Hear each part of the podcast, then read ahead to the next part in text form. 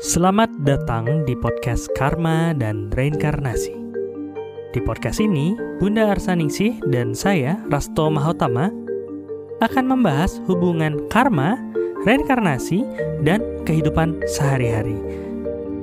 Karena semua terjawab dengan karma dan reinkarnasi.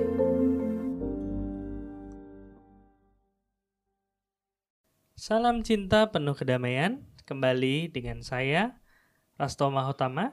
Dan ini ada di uh, YouTube Bundar Saningsi ataupun Spotify atau di mana pun teman-teman nonton. Dan kita kembali di Karma dan Inkarnasi season 2 tapi kita nggak berdua aja bunda. Kita bertiga. Kita bertiga iya. Jadi uh, mungkin bunda mau nyapa dulu teman-teman Salam cinta penuh kedamaian ya senang sekali bertemu dengan Bapak Ibu semua uh, dalam acara Karma Reinkarnasi season yang kedua.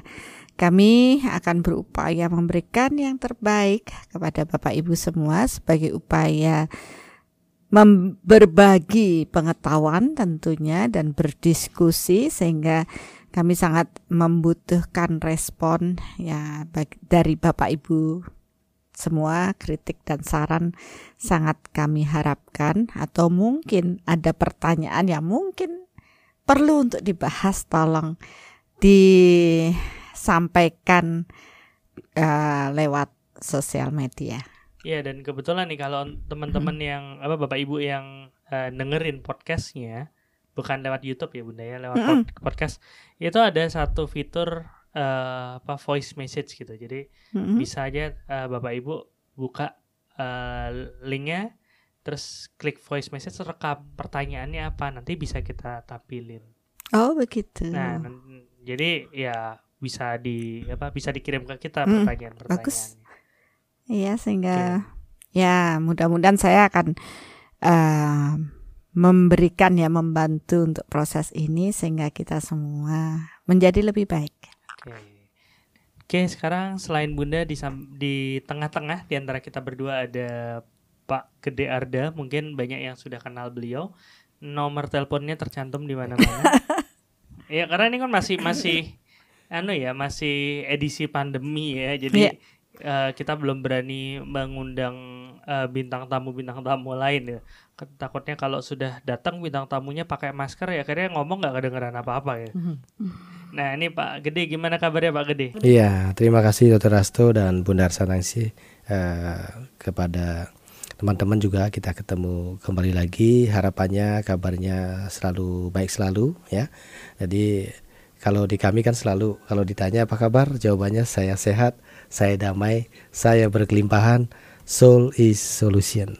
Ya. Oh tetap selalu sehat, damai dan berkelimpahan. Ya sih kalau misalnya cuma sehat aja tapi nggak damai ya susah juga. Sehat iya, damai iya, tapi nggak berkelimpahan ya susah juga ya. Semoga semuanya seimbang semua ya. Oke bunda, uh, topik sekarang nih yang kita akan mm -hmm. yang kita akan bahas nih sebenarnya adalah suatu topik yang mendasar sekali. Banyak ditanyakan apalagi di sini kan Pak Gede Arda banyak banget ya karena nomor telepon beliau yang beredar ke mana-mana uh, kalau ada pertanyaan-pertanyaan pasti banyak masuk ke beliau duluan. Dan hmm. uh, ya biasanya kita selalu bahas ya pada pertanyaan. Ini satu pertanyaan yang mungkin bisa dibilang frequently asked question atau pertanyaan yang sering ditanyakan. Dan uh, kita udah rencanakan untuk bahas ini terus tiba-tiba kemarin waktu Bunda buka ayo dong siapa yang punya saran atau masukan ada yang menanyakan kembali hmm. uh, apa pertanyaan ini mungkin kalau izin saya bacakan iya silahkan ya ini pertanyaan dari Pak Heri Purnomo hmm. Bagaimana kalau karma dan reinkarnasi membahas hubungan antara spiritualitas dengan nilai-nilai Pancasila menarik ya Oh iya. Terutama sila pertama. Mengingat kajian karma dan reinkarnasi yang selama ini saya tahu, dalam kurung belum banyak tahu, seolah-olah tidak ada ikatan atau kaitan langsung dengan ketuhanan. Padahal bagi saya itu sudah intisari berketuhanan yang Maha Esa. Acara bisa dikemas santai dan sedikit menyentil kondisi kekinian bangsa ini. Terima kasih Bunda. Saya kebetulan seorang penghayat kepercayaan atau kearifan lokal yang suka dan pas hati saya dengan konten ini. Oh, terima kasih. Nah, itu ada satu dari sekian banyak pertanyaan yang masuk. Mungkin Pak Gede lebih tahu pertanyaan-pertanyaan yang uh, banyak menjapri ya. Iya, betul. Jadi uh, ada beberapa pertanyaan yang masuk ya, ya Bunda. Jadi hmm. kalau yang pertanyaan seperti Pak Hari tadi salah satu Harry salah satunya tadi uh, juga ada beberapa teman-teman kita yang masuk uh, lewat uh, media sosial ada yang lewat WA dan sebagainya. Hmm. Jadi bentuk pertanyaannya terkait dengan karma dan inkarnasi kalau memang itu sudah menjadi takdir bagi saya uh, harus itu terjadi begitu salah satu contohnya. Terus buat apa saya harus berdoa? Buat apa saya harus uh, banyak menanam berbuat hal yang baik kalau toh juga saya harus akan mendapatkan hal yang buruk. Nah, itu salah satu uh, pertanyaan yang masuk. Ada juga pertanyaan-pertanyaan yang lain. Saya sudah berupaya banyak hal, sudah banyak berdoa kepada Tuhan, tetap juga saya harus mendapatkan sesuatu yang buruk. Apanya yang salah? Apakah ini juga bagian dari proses takdir yang harus saya jalani? Terus saya harus bagaimana lagi? Gitu. Nah itu sekelumit yang eh, apa namanya yang masuk ya eh, lewat media sosial, lewat WA dari para peserta yang mungkin yang sudah mengikuti uh, YouTube-nya Bunda. Mereka mempertegas menanyakan itu, mungkin mereka masih kebingungan. Ada yang mereka pahami, ada yang uh, umum di masyarakat ternyata memang tidak paham tentang karma dan reinkarnasi berkaitan dengan ketuhanan. Iya, sebenarnya itu juga sih yang bikin kita buat podcast karma dan reinkarnasi ini ya Bunda ya karena kita kan pengen memberikan suatu edukasi sebenarnya kayak gimana sih proses uh, hidup tuh seperti apa, karma dan karasi itu seperti apa. Nah, sekarang kalau dari Bunda sendiri menanggapi pertanyaan dari Pak Heri ini yang bilang biasanya kalau karma dan inkarnasi itu nggak nggak me, apa nggak menyentuh proses ketuhanan itu gimana Bunda? Iya dari ya saya bisa menerima ya namanya juga proses bertumbuh. Toh kita ini semua kan sebenarnya uh, menyiapkan diri untuk bertumbuh kesadarannya menjadi lebih baik. Dan kebenaran itu sifatnya bertingkat.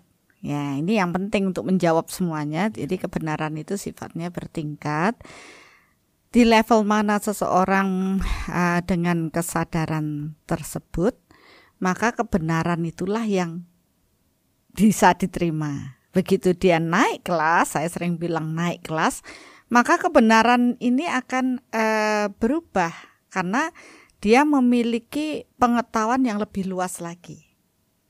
Ya, tidak seperti kata dalam tempurung yang dia tahu ya cuma segitu aja. Begitu dia keluar dari tempurung dia tahu yang lebih luas lagi.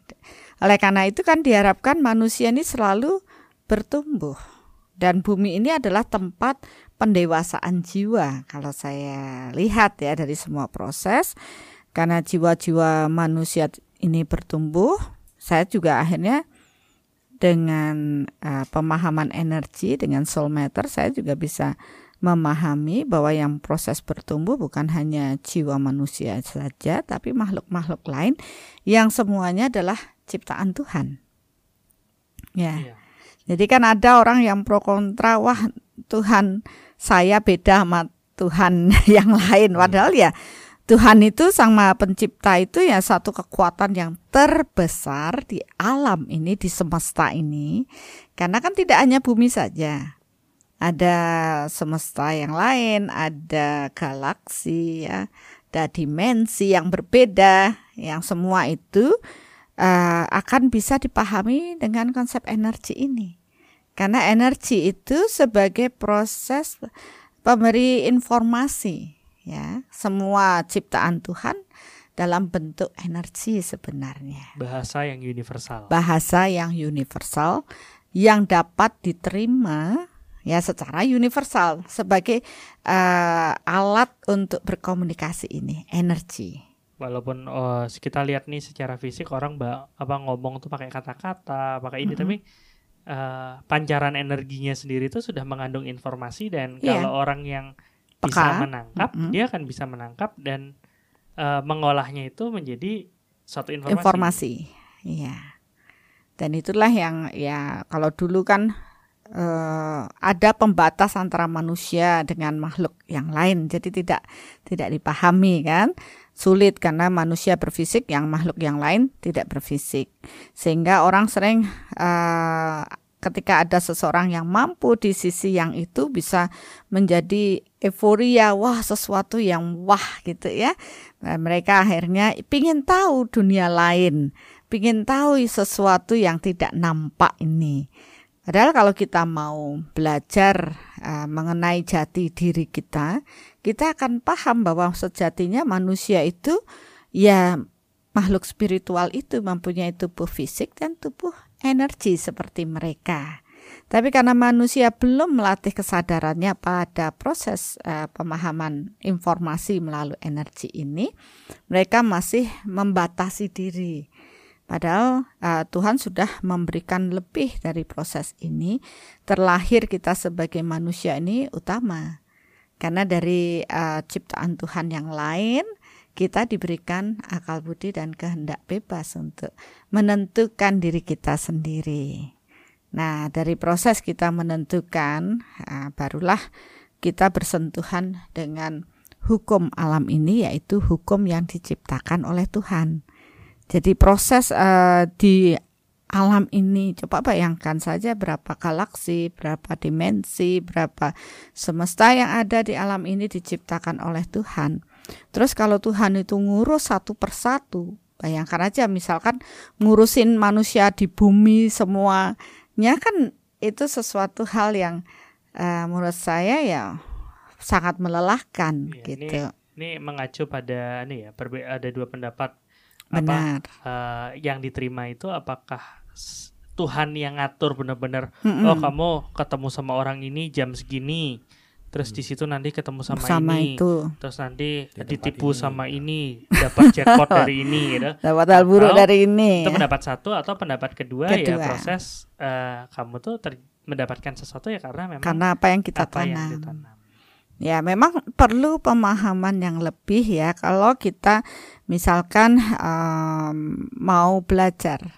Ya, tentu kita tidak bisa belajar sepotong-potong saja. Ya. Biasanya banyak orang itu belum uh, mempelajari itu secara utuh. Sama aja kalau kita seperti uh, orang buta ya. Hmm. Orang buta itu kan tidak bisa melihat tapi bisa dia bisa merasakan atau meraba.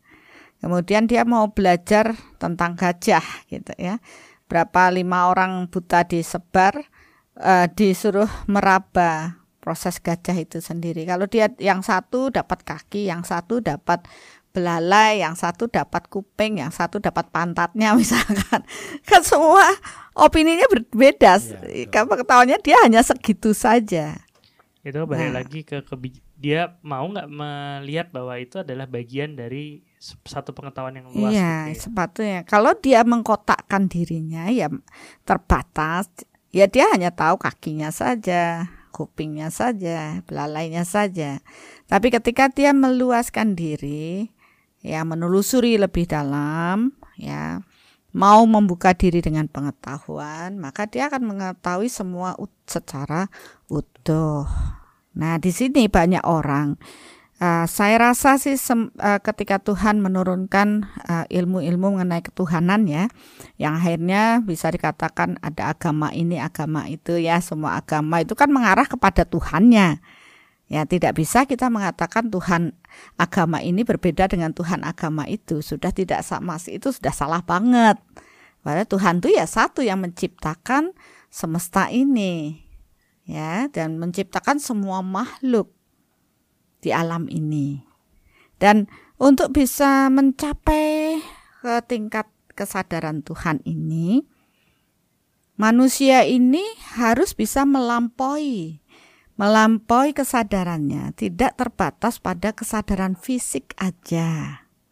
Ya, karena manusia itu dia adalah makhluk spiritual, dia diciptakan Tuhan dengan uh, sangat lengkap ya.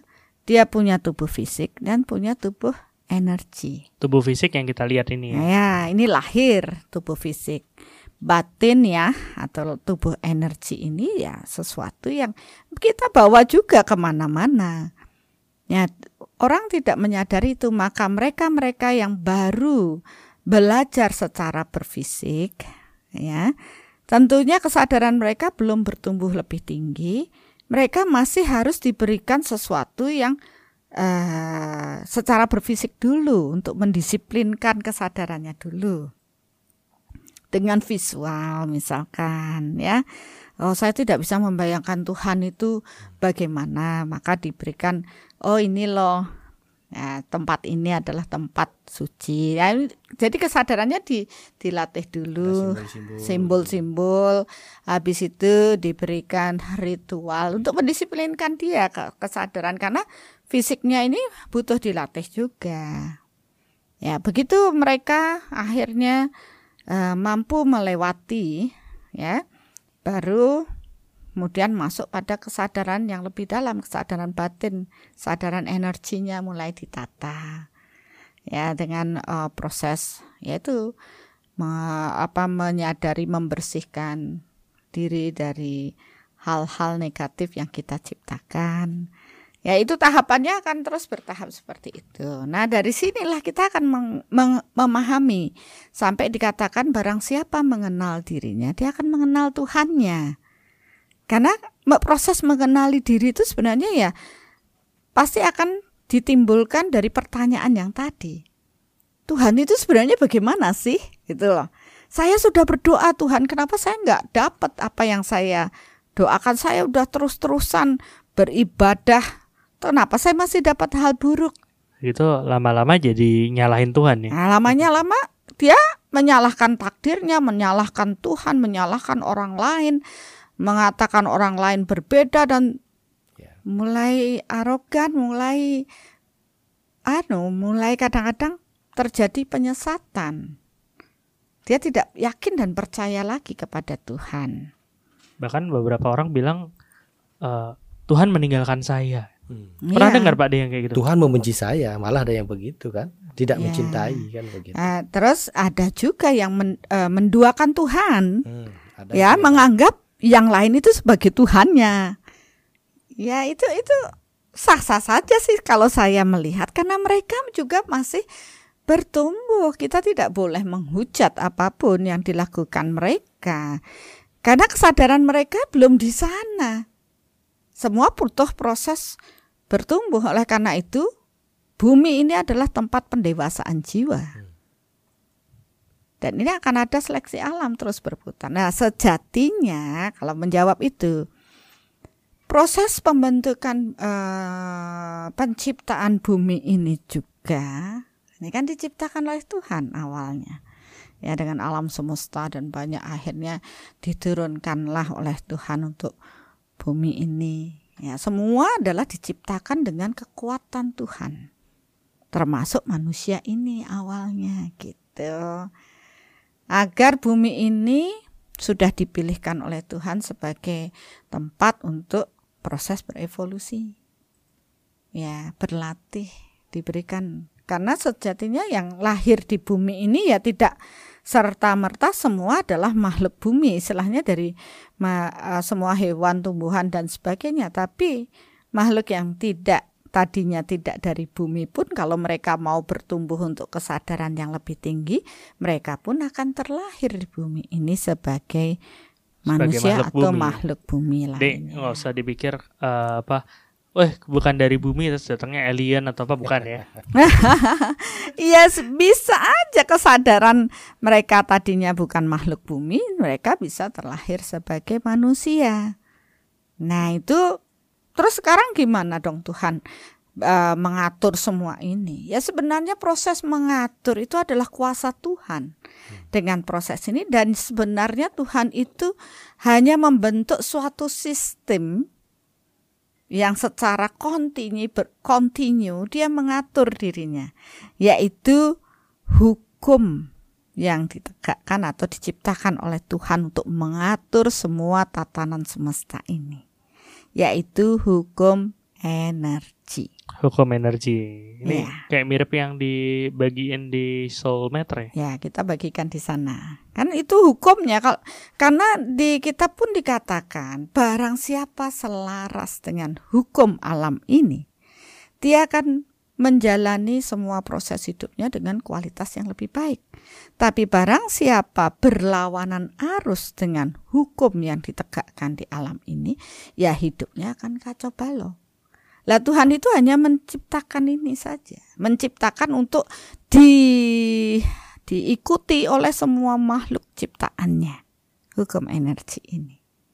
Dan hukum energi ini tentunya adalah hukum yang eh, mengatur semua makhluk, termasuk ya semua manusia, tidak terkecuali. Cuma Tidak hanya manusia ya. manusia, para dewa, tingkatan malaikat dan semuanya pun tunduk akan hukum ini. Berlaku bagi semuanya. Berlaku bagi semuanya. Jadi hukum inilah yang sering tidak dipahami. Ya, kita sudah membuktikan nih. Ya karena itu ada di kitab ya, bukan karena saya atau gimana. Tapi kita semua sudah eh mungkin membaca kitab atau apa itu sudah biasa, tapi memahami sampai proses di kedalaman yang lebih tinggi ini kadang orang kadang kala tingkat pemahaman orang itu tidak sampai di situ. Ya, jadi itu yang menyebabkan eh, mereka kebingungan. Oke, berarti Apalagi pada saat memahami kitab tersebut eh, tanpa apa namanya pembimbing atau guru yang tepat. Ya, Akhirnya benar. Banyak tafsiran atau Banyak tafsir, negatif. akhirnya banyak. Karena semua orang itu kan akan menuliskan sesuai dengan opini yang dia miliki.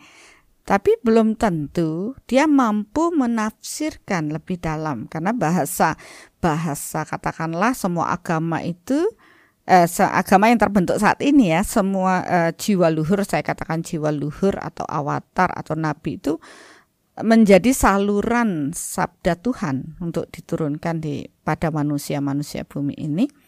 Ya pada waktu menerimanya proses untuk menerjemahkan ya untuk memahami lebih dalam mungkin tidak semua mampu karena dibutuhkan kecerdasan spiritual yang lebih tinggi.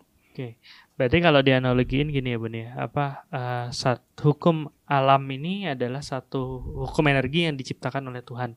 Itu merupakan satu sistem yang harus ditaati oleh semua ciptaan Tuhan. Mm, dan berlaku bagi semuanya. Ya Ah, berlaku untuk semua. Cuman masalahnya adalah eh, hukumnya ini tidak diberikan langsung dalam bentuk buku yang bisa ya, dibaca. benar, ya benar. dan tidak semua orang bisa mengerti proses energi ini yang membuat eh, tidak tahu hukumnya itu seperti apa tapi eh, jiwa-jiwa spesial jiwa-jiwa luhur yang memang memiliki apa kemampuan untuk itu itu yang menerjemahkan ke dalam bahasa-bahasa yang disesuaikan sama eh, masyarakat pada saat itu gitu Mm-mm.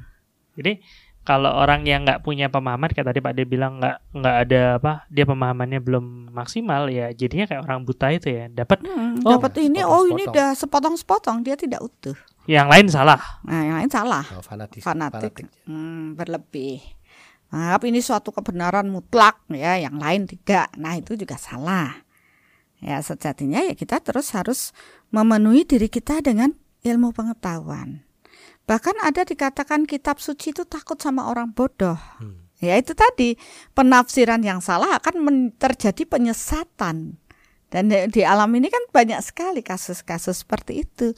Dikatakan jangan menduakan Tuhan tapi dia akhirnya tanpa disadari dia melibatkan kekuatan lain di mana dia lebih uh, menggunakan kekuatan itu untuk proses kepentingan dirinya.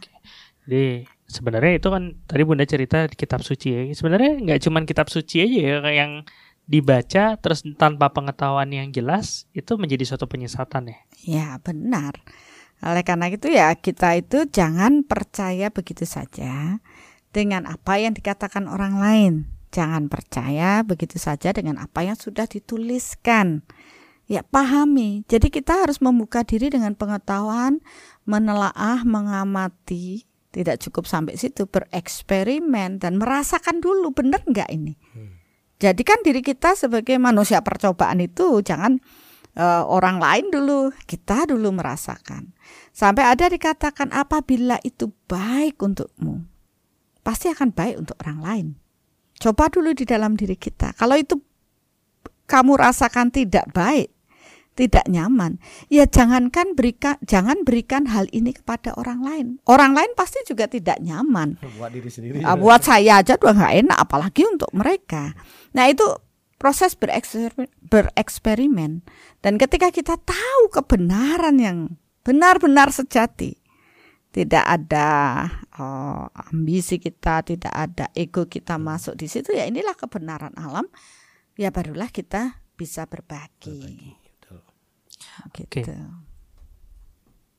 Ya, nah uh, ini menarik sih bun. Kayak tadi bunda bilang kan bahwa bagi begitu loh proses sebenarnya uh, yang terjadi secara energi kan gitu.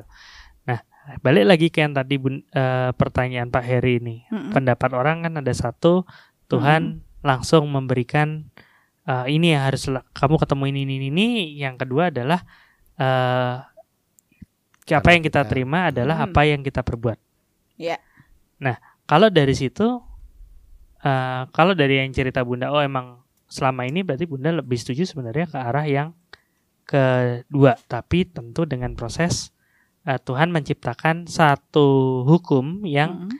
mengatur semuanya. Seperti itu benar-benar. Iya, benar. Jadi hukum inilah yang berlaku di semesta ini ya. Semua uh, teratur sesuai dengan hukum ini. Nah, hukum energi ini ya memang kita akan nggak bisa ngebahas ini detail di sini ya. Tapi memang kita bagikan di workshop soul jadi lebih uh, punya waktu ya untuk berbagi. Dan saya juga akhirnya bisa melihat bahwa ya kita semua sebagai manusia itu ya seharusnya tidak terkotak-kotak. Kita karena kita adalah satu. Kita adalah ciptaan Tuhan yang sama dan kita akan mengarah pada Tuhan yang sama gitu. Proses semua di semesta ini juga berlaku dengan hukum yang sama, ya. Nah, inilah yang membuat uh, kita dapat membebaskan diri dari belenggu. Belenggu apa ya? Yang selalu ini lebih banyak orang melihat ke proses perbedaan. Padahal sesungguhnya kita harus masuk pada proses kesamaan kita karena kita ya menyadari yakin dengan Tuhan yang sama. Nah, pada saat proses uh, mungkin saya juga menangkap radiasi. Kalau gitu saya sudah berdoa, saya sudah ini kok apa yang saya harapkan harapkan kok tidak terjadi. Ini. Terus saya tidak berbuat buruk, kenapa hal buruk terus terjadi? Ya. Kan itu. Itu banyak banget pertanyaan banyak sekali. Ya sebenarnya uh, bahasan karma dan reinkarnasi ya kita buat nih sayang ide buat kenapa? Karena untuk menjawab pertanyaan mereka itu ya, menunjukkan kepada banyak orang bahwa apa pun sebenarnya yang kita dapat dalam hidup kita sebagai takdir atau karma adalah bagian dari apa yang kita tanam. Karena hukum alam ini hukum energi ya menyatakan demikian. Apa yang kamu tanam itu yang kamu tuai Cuma waktu kapan uh, proses penuaian ini ya tergantung nanti pada hukum energi lagi. Hmm. Sejenis menarik sejenis. Nah, makanya kalau kita bahas ini satu session bisa panjang, bisa panjang gitu. Yeah. Yang menarik kan uh, selama ini orang berpikir bahwa oh Tuhan itu adil. Gitu. Adil, adil banget. Ya, tapi kalau cuman melihat di satu sesi aja, hmm. maksudnya cuma ngelihat di satu kejadian aja, kelihatannya wah oh, nggak adil kok kok si ini dapat hal yang baik saya nggak dapat dapat hal yang buruk gitu. Ya karena dia lihat lihat gajahnya cuma kakinya iya, doang. Satu sudut pandang. Sudut pandang. Dia belum banyak dengan pengetahuan. Betul. Biasanya ya ini kan ini pengalaman ya. Saya dulu juga seperti itu. Ya semua dengan protes kan. Kenapa saya sudah begini, sudah begini, saya masih dapat hal buruk. Tapi kemudian ya saya bersyukur ada yang membimbing saya, saya suka baca buku, saya dipertemukan dengan orang-orang yang bisa uh, membawa saya menjadi lebih baik. Ya, itu dulu. Kemudian saya mengasah diri saya. Mengasah kan terus bertumbuh nih, power juga bertumbuh, kesadaran bertumbuh, intuisi makin berkembang. Ya, kebijaksanaan kita tentu bertumbuh dan itulah saatnya saya lebih paham bahwa sebenarnya Tuhan itu sangat adil dan Tuhan itu sangat mencintai kita. Ya, cuma kita yang eh, karena diberikan akal budi kehendak bebas oleh Tuhan untuk memilih, sering kali manusia ini terbelenggu oleh ya diliputi oleh egonya. Dia lupa untuk menyelaraskan diri dengan kekuatan Tuhan. Iya, kadang-kadang dengan ego yang tinggi itu merasa bahwa oh ini loh yang benar, yang hmm. itu kok Tuhan nggak ngelakuin yang benar sih loh. Padahal kan hmm. ya masa yang yang terbatas mengatur-ngatur yang nggak terbatas kan? Ya itu dah. Kebalik. Oh. Ya, jadi semakin ke sini saya semakin menyadari bahwa sebenarnya Tuhan itu sudah sangat-sangat adil dengan hukum yang diberikan. Ya, cuma manusia ini mau berlatih atau enggak? Mau mengenal diri apa? Mau enggak? mengenal dirinya enggak? Mau bertumbuh menjadi lebih ke arah lebih baik enggak? Ya, karena ia akan benar-benar berubah kalau dia mengikuti hukum alam ini. Nah, hukum alam ini karena dia tidak terlihat secara berfisik, dia adalah hukum energi, tapi meliputi semua. Karena kita bagian dari tubuh energi, maka kita mendapat juga imbas dari proses hukum alam ini. Jadi eh, seperti tadi dokter Rasto bilang, Tuhan loh yang sudah ngatur nanti saya ditipu sama ini, kena ini kenalan sama ini nanti saya nikah sama ini anaknya ini anak itu. Tidak demikian bukan Tuhan yang mengatur. Tuhan mengatur hukum alam ini keseimbangan alam ini. Tapi untuk proses diri kita ya diri kita yang mengaturnya. Dengan tatanan atau uh, peraturan yang memang sudah di ya. uh, proses eh, yang sudah ditentukan oleh Tuhan ya uh, diri kita yang mengatur semuanya. Maksudnya itu dari apa yang kita lakukan, gitu ya Bunda. Kalau yeah. dari cerita Bunda tadi kan uh, Bunda juga dulu uh, mengalami hal yang seperti itu. Tapi kan Bunda mau belajar terus uh, ketemu dengan orang yang menuntun dan lain sebagainya. Berarti kan kembali kepada lebih penekanannya kepada bagaimana cara kita menyikapi dari hal tersebut. Yeah. Nah, itu juga bagian dari hukum alam kan. Benar Kalau misalnya juga. yang tidak menyikapinya dengan baik terus menyalahkan diri sendiri menyalahkan orang lain tentu dia tidak akan ketemu hal yang baik dong. Maksudnya kan ya, begitu ya itu, contohnya. Itu kan bagian dari hukum, hukum alam, alamnya ya. yang nah. mengatur gitu loh. Kita yang mau menentukan mau baik apa enggak kan gitu. Ya dan tidak aja dulu. Ya. Tapi sering kali dengan harusnya kamu melakukan ini, misalkan udah tahu nih, saya harusnya begini. Tapi sering kali batin kita uh, benturan antara ego dan uh, kebenaran ini. Ya, sekarang bisa mengalahkan ego dan mengikuti kehendak Tuhan atau memenangkan ego kita ya mengikuti jalan kehendak saya dan saya harus menciptakan lagi kehendak-kehendak yang lain yang belum tentu itu akan sesuatu yang baik. Yeah. Nah, kalau kita sudah belajar dengan energi, kita akan tumbuh menjadi orang yang berserah kepada Tuhan. Karena tahu Tuhan yang menciptakan semua alam ini. Toh semua agama diarahkan untuk berserah kepada Tuhan. Betul. Dengan me, apa ya me, mengalahkan ego di dalam dirinya. Karena kenapa bisa ada ego? Ya Tuhan memperbolehkan kok. Tuhan menciptakan manusia dengan kehendak budi dan akal bebasnya. Ya akal bebas ini uh, kehendak bebas ini yang bisa menciptakan egonya. Apakah dia akan tumbuh menjadi orang sombong atau hmm. orang yang rendah hati? Nah, masalah ketuhanan ini kan tidak semua orang bisa sepi-sepi, bisa ngomong langsung dengan Tuhan kan? Sepinya sama yang lain kali. Sama yang lain nanti. Ya ter inilah hukum yang ditegakkan oleh Tuhan, hukum energi ini. Dan sesungguhnya apabila manusia mampu bertumbuh dengan proses ini dengan baik, dia akan secitra dengan Tuhan. Kan ada yang menyatakan demikian.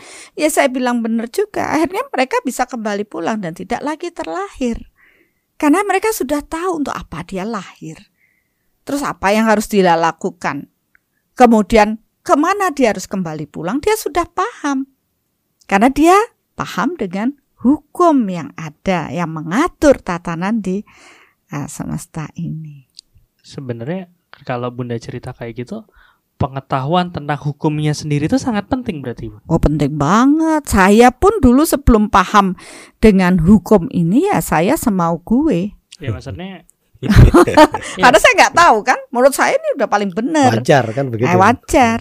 Iya, ya, maksudnya ya kalau misalnya kita belajar sama hukum alami eh hukum yang diciptakan manusia udah ada Hmm. undang-undangnya segala macam, kita jadi bisa ngatur nih. Oh, gimana caranya untuk eh, supaya kita nggak kena tilang misalnya gitu. Mm-mm. Sama juga kalau kita tahu dan paham hukumnya seperti apa, kita bisa atur hidup kita eh, mengikuti alurnya yang bikin hidup kita jauh lebih Jauh baik. lebih baik. Kita sendiri yang Ya. menciptakan hidup jadi lebih baik kan begitu. Ya kita Ya. sendiri yang memilih ya untuk eh, hid- kualitas hidup apa yang kita pilih.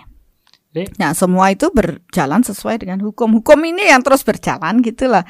Nah banyak orang mengatakan, "Oh, saya itu udah berdoa baik kepada Tuhan meminta ini itu. Kenapa enggak Tuhan tidak adil sama saya dan semuanya? Sebenarnya Tuhan sangat adil dengan hukum ini. Ya, dari niat yang terlontar di kita sudah tercatat di alam. Ya jangan jangan berpikir bahwa ada tukang catat ya. ada yang mencatat semua hidupnya manusia dengan ini dengan catatan tidak. Yang tercatat ini di alam ini dengan hukum energi itu. Ya, kalau yang dicatat sama manusia di Facebook gitu kan. Atau di organisasi ada sekretaris. Ya. Ini nggak punya Tuhan tukang catat yang ada itu ya energi itu terekam di alam. Berarti semuanya itu terekam Semuanya alam. terekam secara sejarah energi, secara energi ya. Secara energi. Ya, sejarah yang tidak di otak-atik yang memang benar-benar apa adanya. Apa adanya itu ada di alam. Nah, barang siapa mengungkap tabir ini, maka dia akan tahu kebenaran yang ada di sana. Betul. Ya, orang kan selalu mengatakan itu, tapi mereka nggak mau mengungkap, gitu loh. Mereka masih memikirkan saya berfisik, saya duniawi. Ya, dia belum menyadari saya makhluk spiritual.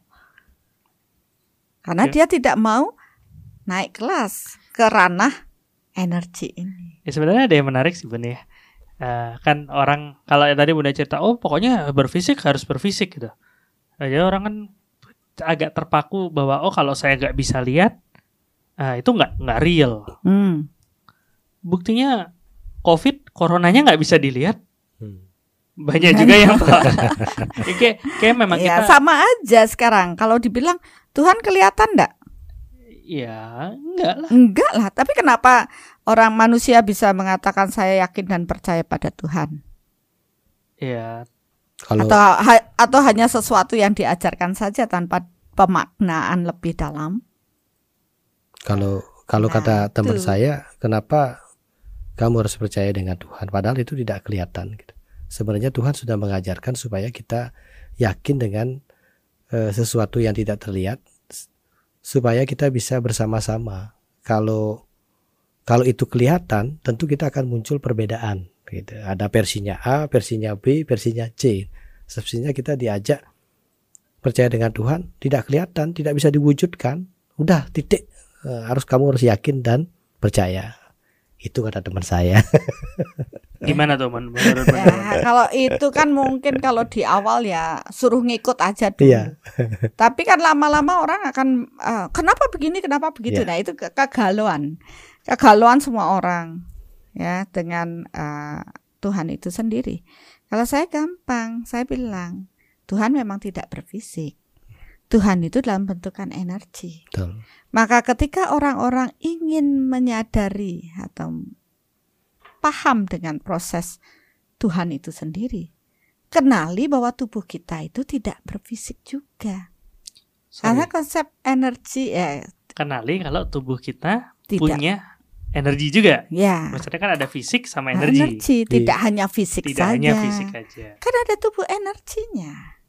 Itu Baik. maksud yang ter, ter ah, Tersirat. tersirat sebenarnya. Tapi yang tersurat orang kan hanya lihat textbooknya aja. Mereka tidak paham bahwa sebenarnya ada percikan cahaya Tuhan di dalam diri kita.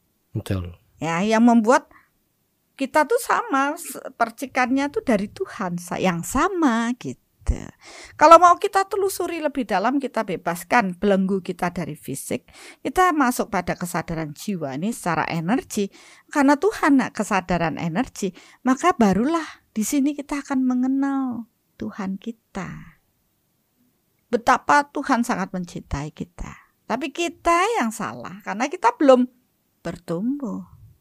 Ya, tetap bertumbuh apa enggak kan kembali ke kita ya. Iya. Bukan bukan Tuhan yang ngatur ya kayak orang ini bertumbuh ah orang ini enggak. Enggak, Enggak, ya. lah, memangnya sekian banyak manusia apa enggak capek, Tuhan Capek. ngurusin? Ya Berarti- sebenarnya Berarti rahasia rahasia yang disampaikan oleh Bunda itu kan suatu ilmu yang bisa dipelajari ya Bun ya. Ya bisa kalau manusia ini meniatkan untuk Iya. proses belajar kan Tuhan pasti akan memberikan jalan kan. Ya. Cuma ya karena kita bumi ini adalah tempat pendewasaan jiwa, maka proyek Tuhan itu ya semua uh, spirit atau jiwa yang terlahir di bumi ini tidak hanya manusia yang juga lahir ke bumi ini yang awalnya bukan manusia juga akan terlahir sebagai manusia. Nah, dari proses ini sebenarnya hi- terlahir sebagai manusia itu utama. Coba yang lain aja nggak punya tubuh fisik kah? Sebagai ma- manusia dengan kesadaran lebih tinggi. Atau he- hewan tumbuhan punya tubuh fisik, tapi kesadarannya tidak setingkat setinggi kesadaran manusia. Betul. Oke. Nggak bisa Nah, memiliki pikiran. pikiran, akal budi dan Akal kehendak bebas tidak punya. Nah, kalau manusia ini baru bertumbuh, nah ini ada tingkatan. Kesadarannya baru numbuh, dia akan orientasi tubuh fisik aja karena dia belum paham ya bahwa dia mempunyai kesadaran yang tidak berfisik juga, tubuh yang tidak berfisik juga. Dia masih ber- berkutat di materi fisiknya saja. Mungkin itu anu Bun apa da- tahapannya ya. Pertama maksudnya Hmm. dia dia mengenali dirinya dulu Hmm. secara eh, jasmani, secara Ya, fisik. Fisik. Nanti setelah itu Setelah sampai ke satu level di mana dia sudah mulai paham, kan mulai galau nih. Hmm. Nah, sama yang tadi itu kenapa saya sudah berdoa, saya belum ini. Dia sudah ada kegalauan, berarti ada saatnya untuk naik kelas. ya jadi jadi keinget itu. Tergantung pilihan ya. Betul itu, setuju itu Bun. Jadi keinget itu yang eh, saya lupa sih siapa ada quote saya lupa siapa yang ngomong cuman dia bilang Hmm. ya kalau kamu eh, menggunakan cara yang sama untuk mendapatkan hasil yang berbeda ya itu ada masalahnya di kamu gitu kan. Sesuatu yang mus- mustahil. Iya, gitu ya. maksudnya sama aja kayak kalau misalnya orang sudah dia sudah mulai mengenal tubuh fisiknya, Hmm. cuman dia masih merasa kok ada hampa, kok masih nggak nyaman, kok masih ini, tapi terus dia mencari hanya di fisik saja, tentu hasilnya ya Enggak ada. Tidak akan mendapatkan apa-apa. Berarti dia harus melakukan Melampaui. sesuatu yang Nah, berbeda. satu yang lebih gitu loh. Ya. Nah, di sini lagi kan ini akan menjadi seleksi alam. Ya, seperti piramid gitu ya. Hmm. level yang masih berfisik sibuk dengan berfisik ini akan sulit untuk diajak ke sana tahapannya masih panjang nah orang-orang yang sudah mulai ada kegalauan mulai bertanya kan pertanyaan itu adalah suatu bentuk bahwa dia sudah di taraf ini dan ingin menjadi lebih gitu loh ya untuk naik kelas ya bu- orang yang bertanya itu bukan berarti orang yang bodoh tapi sebenarnya dia sudah terusik di dalam dirinya. Karena kalau kalau dia nggak ngerti sama sekali pasti nggak bisa nanya. nggak bisa nanya. Diam aja bengong aja. Nah begitu muncul pertanyaan dia pasti akan mencari saya kok. Ya itu tadi. Saya sudah kepenuhi fisik saya tapi kok rasanya saya masih hampa. Ya karena dia belum menyadari proses bertumbuh berikutnya di kesadaran. Akhirnya dia mencari. Oh akhirnya uh, apa paham bahwa tubuh kita ini ada yang tubuh energinya harus diselaraskan lahir dan batinnya Jasmani rohani. jasmani rohani Skala nih skala. Betul. ya itu Yin yang. ini ya ya semua itu tuh, dualisme Nah, itu Ah. Ya itu anu ya, apa eh, bukan cuma di satu tempat aja yang ada seperti itu di mana-mana. ya karena sejatinya ya manusia itu ya harus melampaui dari ini Ada yang menarik lagi yang tadi Bunda bilang kan eh, orang tuh lupa kalau eh, dia sudah memiliki tubuh fisik dan tubuh energi itu berarti sudah lebih apa ya lebih advance atau lebih Mm-mm. uh, tingkatannya lebih tinggi daripada yang cuman berbadan energi. Mm-mm. Saya jadi keinget oh iya ada apa namanya uh, kalau kita ngelihat tumbuhan sama binatang, Mm-mm. binatang levelnya lebih tinggi Lebih karena tinggi. sistemnya dia lebih kompleks, Iya. Gitu kan? betul. Manusia lebih kompleks lagi. Mm-mm. Dan kalau gitu ya ben- benar juga yang Bunda bilang kalau misalnya yang satu adalah energi aja, yang satu lebih kompleks adalah energi dan Fisik. fisik ya harusnya kita tahu bahwa proses kita Iya kan kita harus bersyukur terlahir sebagai manusia. Jangan malah eh, saya besok pengen lahir jadi eh, dewa dewi atau malaikat. Lah kau terbalik. Orang mereka aja harus lahir sebagai manusia untuk bisa menyatu dengan kekuatan Tuhan. Dia harus belajar. Dan memangnya dengan tubuh fisik dan tubuh energi yang ada di di dalam tubuh manusia ini mudah untuk kita? Enggak, perlu penyelarasan. Yang pertama dipahami mungkin tubuh fisik, oh harus ini secara berfisik, tapi nanti lama-lama juga akan tumbuh kesadaran bahwa kok rasanya nggak enak ya, saya nggak ngapa-ngapain kok saya sakit ya. Hmm. Ya ke dokter sudah, tapi kok tidak ditemukan ya apa ya dokter bilang saya sehat-sehat saja. Ternyata ada pendaman psikis, ada energi kotor di aura kita dan sebagainya buat kita tidak nyaman. Itu sebenarnya juga jalan jalan bagi proses kesadaran ini bertumbuh. tapi kalau misalnya kayak Bunda cerita kayak tadi oh iya sa- ah, saya ngerasa nggak nyaman nih dengan dengan Mm-mm. energi saya karena ada sesuatu segala macam bukannya lebih gampang pergi ke orang yang ngerti itu Bun daripada belajar Bun Mm. Mau instan gitu ya. Iya kan maksudnya ya sekitar aku saya nyoba untuk ngelihat dari sudut pandang yang berbeda Hmm. gitu. Bunda kan dari sudut pandang bahwa oh dari dengan proses seperti itu jadi dia ada keinginan untuk bertumbuh. Mm-mm. Tapi bisa aja orang punya sudut pandang udah bertumbuh itu kan repot, belajarnya banyak. Mendingan saya cari orang yang ngerti selesai sudah. Iya. pilihannya ya. Itu pilihan kan gitu ya. Nah, kalau ada satu kasus uh, minta tolong nih sama orang yang sudah paham, yang sudah belajar. Oke lah. Ya. Terus habis itu manja nih. Selalu pengen dipenuhi. Lah, apakah kasus kita hanya itu saja? Banyak sekali masalah kita, apa kita harus tergantung pada satu orang yang akhirnya lama-lama mengkultuskan orang itu. Akhirnya kita lupa bahwa ada kekuatan Tuhan yang harusnya kita sadari. Kalau kita yang belajar, maka kita akan bergantung pada Tuhan kita. Kita yakin dan percaya dan semua proses sesuai dengan hukum yang di- diciptakan oleh Tuhan ini. Kita mengikuti semua uh, kebenaran yang Tuhan kehendaki atas diri kita, maka kita akan terbebaskan. Ya, zaman kini loh tidak cukup hanya modal yakin percaya. Tok, tapi penuhi diri dengan pengetahuan tadi sehingga keyakinan kita akan jauh lebih kuat lagi. Berarti Begitu. lebih bagus kita Bertumbuh. memperdayakan diri, Iya. belajar dan bertumbuh kan begitu ya. Ya, sehingga masalah-masalah yang datang kita cepat dapat solusi. Soul is solution. Begitu kita punya paham dengan kesadaran soul jiwa kita. Itulah solusinya ada di situ. Karena setiap manusia unik, membawa semua yang dibawa dalam proses eh, past life-nya, reinkarnasinya, semuanya ada di dalam dirinya. Nah, kita kan mengurai benang kusut yang ada di dalam diri kita. Kalau kita terus tergantung pada orang lain, wah padahal benangnya kusut banget ya. Iya. Terus gimana? Hmm. Eh, mending kita yang belajar dan satu persatu yang mengenali diri kita kan diri kita sendiri. Orang lain belum tentu kenal, paham dengan apa yang kita lakukan. Dan Ya kalau ya kalau orang lain itu mampu gitu ya. iya. Ya, tapi kalau disesatkan lagi, Nah, itu nah maksudnya. habis lah. Berarti kan lebih baik kita yang belajar bertumbuh untuk bertanggung jawab terhadap diri kita sendiri apa yang sudah kita lakukan. Dan satu Ya. sisi juga orang lain itu pun sebenarnya lagi mengurai benang kusutnya dia. Iya, Em- sendiri masih ruwet ya. Belum tentu udah selesai. gitu. iya benar. Ya makanya saya lebih senang mengajak, ayo bertumbuh, ayo belajar. Ya saya bukan tipe yang senang manjain, ah sudah yuk sana, oh saya mending konsultasi aja biar ini. Ah enggak lah ya, belajar gitu supaya kamu tahu kamu dibohongi apa enggak lo kalau saya mau bohong sama mereka kan gampang toh Ya tapi kan saya nggak mau itu. Hmm. Mereka harus punya pengetahuan ini untuk menentukan dirinya sendiri, untuk bijaksana dalam menyikapi dirinya sendiri. Dan akhirnya dia dilayakkan untuk kembali pulang, menyatu dan mengenal Tuhannya.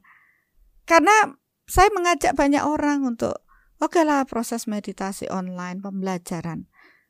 Ada beberapa orang yang sangat sangat bersyukur karena akhirnya mereka baru tersadarkan bahwa Tuhan itu mencintai dia. Hmm. Kenapa energi Tuhan sangat lembut yang buat kita haru dan benar-benar rasa itu enggak enggak pernah sebelumnya saya rasakan. Sampai menangis ibu. Sampai menangis dan akhirnya menjadi suatu kerinduan terus untuk dekat dengan Tuhan. Nah itu kan sesuatu yang bagus. Masalah mereka akan membuat koneksi yang bagus terhubung dengan kekuatan Tuhan dan selalu menggunakan uh, kehendak Tuhan dalam proses hidupnya, melibatkan kekuatan Tuhan dalam proses hidupnya itu pilihan mereka sendiri. Ya, bahkan yang uh, Bunda ada kalau misalnya ada proses konsultasi ataupun belajar, pilihan tetap balik ke mereka, mereka. sendiri. Menarik, menarik. Jadi kalau dengan proses tadi kita memulai dengan pertanyaan apakah di proses karma reinkarnasi itu jarang ngomongin Tuhan ya sebenarnya enggak karena karma reinkarnasi sendiri adalah satu tools Tuhan untuk mengatur semuanya itu. Iya, makanya kan uh, sebenarnya di awal kita saya uh, apa namanya merasa duh kok orang tuh nggak nyadar nyadar ya karena banyak orang tuh konsultasi kan selalu nyalahin ini ya. Mereka hmm. tidak menyadari kalau dia terus membentuk hal karma buruk yang dia lakukan. Dan tentu tuayannya buruk. Tapi dikasih tahu masih ngeyel juga. Akhirnya saya harus memberikan to the point. Oh kamu tuh dulu ini. Dengan proses ini kamu dapat ini. Baru logikanya nyambung gitu. Baru dia mulai menyadari kesalahannya minta maaf memaafkan. Setelah itu ya saya bilang mau mengubah hidup menjadi lebih baik atau tidak? Hmm. Oh, mau lebih bagus ya ikuti jalan ini. Tanam baik. Akhirnya karena dia disiplin menanam baik, akhirnya tuayannya jadi baik, kualitas hidupnya menjadi lebih baik. Dan itu nggak bisa instan ya? Dan itu nggak bisa instan. Kalau gitu. yang ditanam sebelumnya udah buruk, mau pengen, oh iya saya berubah sekarang langsung pengen jadi baik-baik ya? Ya nggak bisa. Mie instan aja nggak instan. Nah itu, nah dari dari proses dia paham dulu. Kan orang itu harus ditunjukkan ini Uh, sumbernya apa, kenapa ini bisa begini, kenapa begitu. Tunjukin dulu, oh ini begini. Kalau begitu sudah mulai tertarik. Kemudian dia akan mempertanyakan lah, terus saya tuh kalau dulu reinkarnasi saya dulu begitu, terus gimana saya mengubah? Baru masukkan proses mengenali jati dirinya. Kamu itu sebenarnya apa? Kamu dapat ini ya kan kamu ini. Pemahamannya kan gitu. Setelah lama-lama dia mengupas kegelapan-kegelapan di dalam dirinya, menyadari minta maaf, pertobatan dan sebagainya, kekuatan Tuhan akan mengalir masuk ke dalam dirinya. Dan di situlah baru mereka akan mengenal betapa Tuhan sangat mencintai kita. Dan kita akan ikhlas menjalani semua proses hidup kita. Ya, dan kita akan menjadi jiwa-jiwa yang tenang, jiwa-jiwa yang damai, berserah ya. Dan tidak sampai di situ saja karena dia ada uh, pertalian yang kuat dengan Tuhan. Dia mereka pun dijadikan saluran berkat Tuhan untuk proses proyek-proyek kemanusiaan lainnya. Karena manusia eh, Tuhan tidak bisa hadir secara berfisik. Jadi melalui manusia-manusia yang uh, me mendekatkan dirinya kepada Tuhan dan mengenal Tuhannya mereka Tuhan energi Tuhan bekerja pada diri mereka. Nah, di sini pun mereka akan membantu manusia-manusia yang lainnya. Begitu prosesnya. Nah, sebelum ini semua belajar kan sudah Tuhan sudah menurunkan jiwa-jiwa luhur tadi yang kita singgung tadi, jiwa yang utama. Yang jiwanya ini berbeda dengan manusia-manusia biasa. Yang uh, apa sebagai jembatan ya. Yang sebagai jembatan sebenarnya tidak cuma menurunkan ajaran-ajaran ketuhanan tapi jiwa beliau sebagai jembatan kita untuk dapat terhubung dengan Tuhan karena kita masih kebingungan. Jadi nggak cuman misalnya nggak cuman satu buku atau suatu apa suatu teori aja enggak ya, tapi ada proses Benar. energi juga yang ber, berlaku di situ. Wih ini semakin lama semakin dalam ini. Makin seru. Makin seru ya. Ya segitu dulu nanti kebanyakan kebebelan. Baru mau bilang kayak gitu. Oke. Okay. Ya, ya setahap lah. Dari gitu. satu pertanyaan ya. Iya, ini kan uh, satu pertanyaan apa ya? Bah bahasannya adalah karma, reinkarnasi dan Tuhan dan tadi kita udah ngomong bahwa saya garis bawahin lagi bahwa uh, dua pandangan yang berbeda itu sebenarnya satu, cuman balik lagi apakah orang itu mau mengotakkan kecil atau mau melihat secara besar. Hmm. Ada yang bilang Eh, semua itu karena Tuhan yang mengatur nggak salah benar mengatur tapi mengaturnya melalui hukum hukum, hukum. Yang...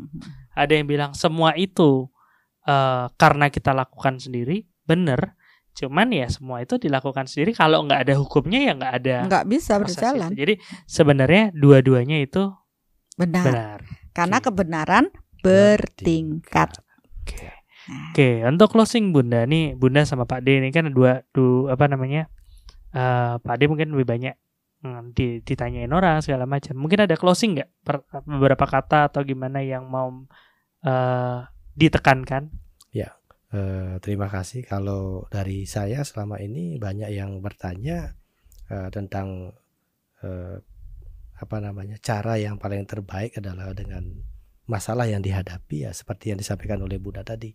Ayo Mari kita bersama-sama belajar, uh, bertumbuh bersama, penuhi diri dengan banyak ilmu pengetahuan supaya kita nanti bisa bermanfaat untuk dan kita mengetahui bahwa kesadaran kita bisa bertumbuh, kita bisa mengetahui diri kita sendiri, secara otomatis nanti kita akan mengenal Tuhan kita sendiri.